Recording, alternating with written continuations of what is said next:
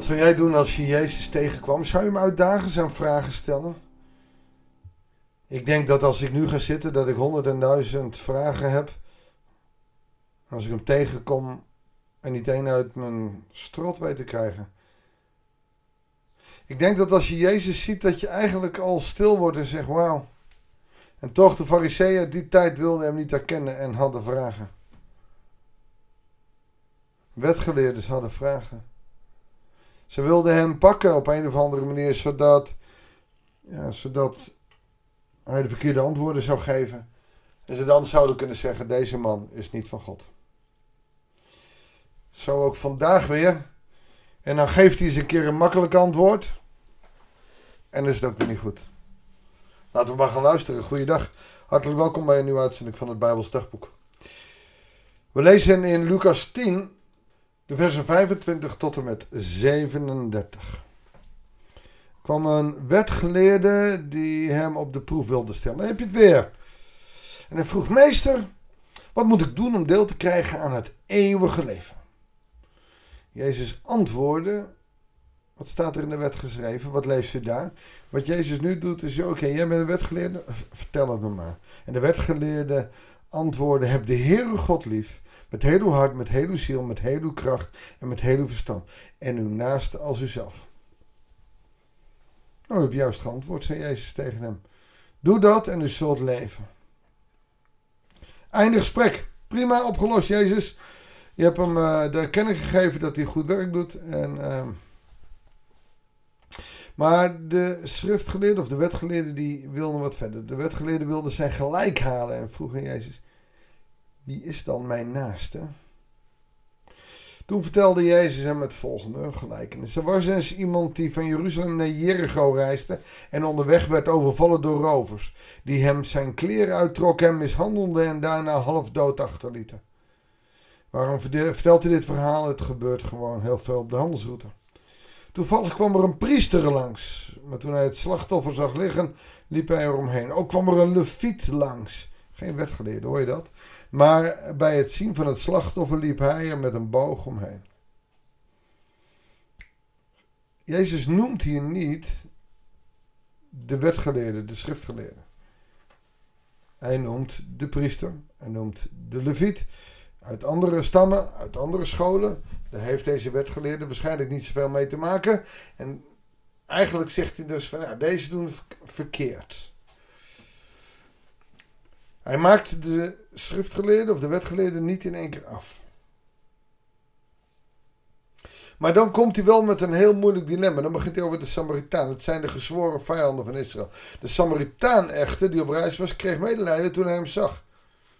Hij ging naar de gewonde man toe, goot olie en wijn over zijn wonden en verbond ze. Hij zette hem op zijn eigen rijdier en bracht hem naar een logement waar hij hem verzorgde.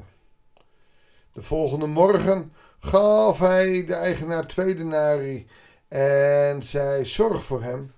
En als u meer kosten moet maken, zal ik die u op de terugreis vergoeden. En dan zegt Jezus: Wie van deze drie is volgens u de naaste geworden van het slachtoffer van de rovers?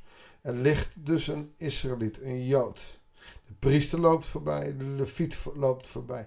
Maar een Samaritaan? Het is een onmogelijke vraag, Jezus. Want Samaritanen die halen het bloed onder je nagels vandaan. Het is zoiets als de Joden en de Palestijnen nu.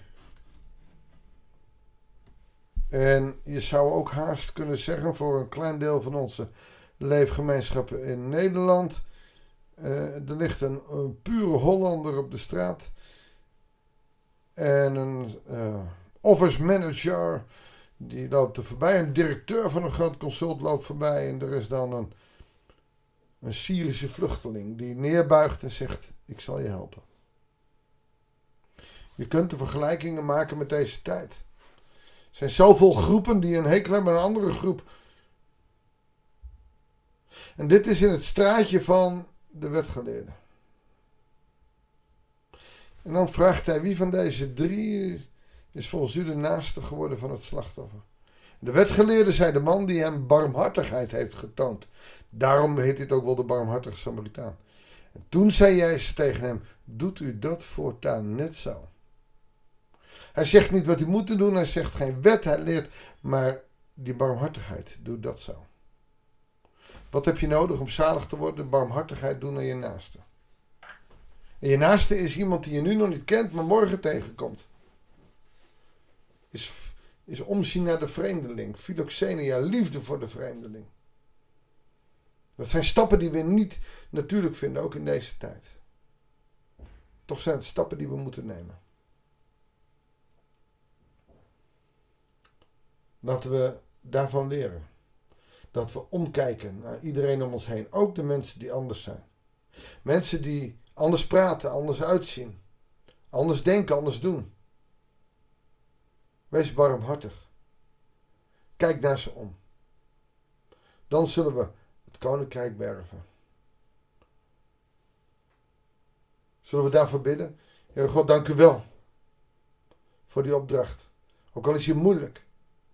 En we willen vragen of u met uw geest bij ons wil zijn. Dat als wij dit soort situaties tegenkomen, in welke hoedanigheid dan ook. Heer, leer ons barmhartigheid te tonen aan die ander. Zelfs als het onze vijand is. Heer, zo bidden we om barmhartigheid voor de situatie in de Oekraïne. Zo bidden we om een zegen voor de vijanden die we hebben. Heer, raak hun hart aan. Maak hen bereid om te leven, te werken in uw naam. Heer, ga zo met ons mee.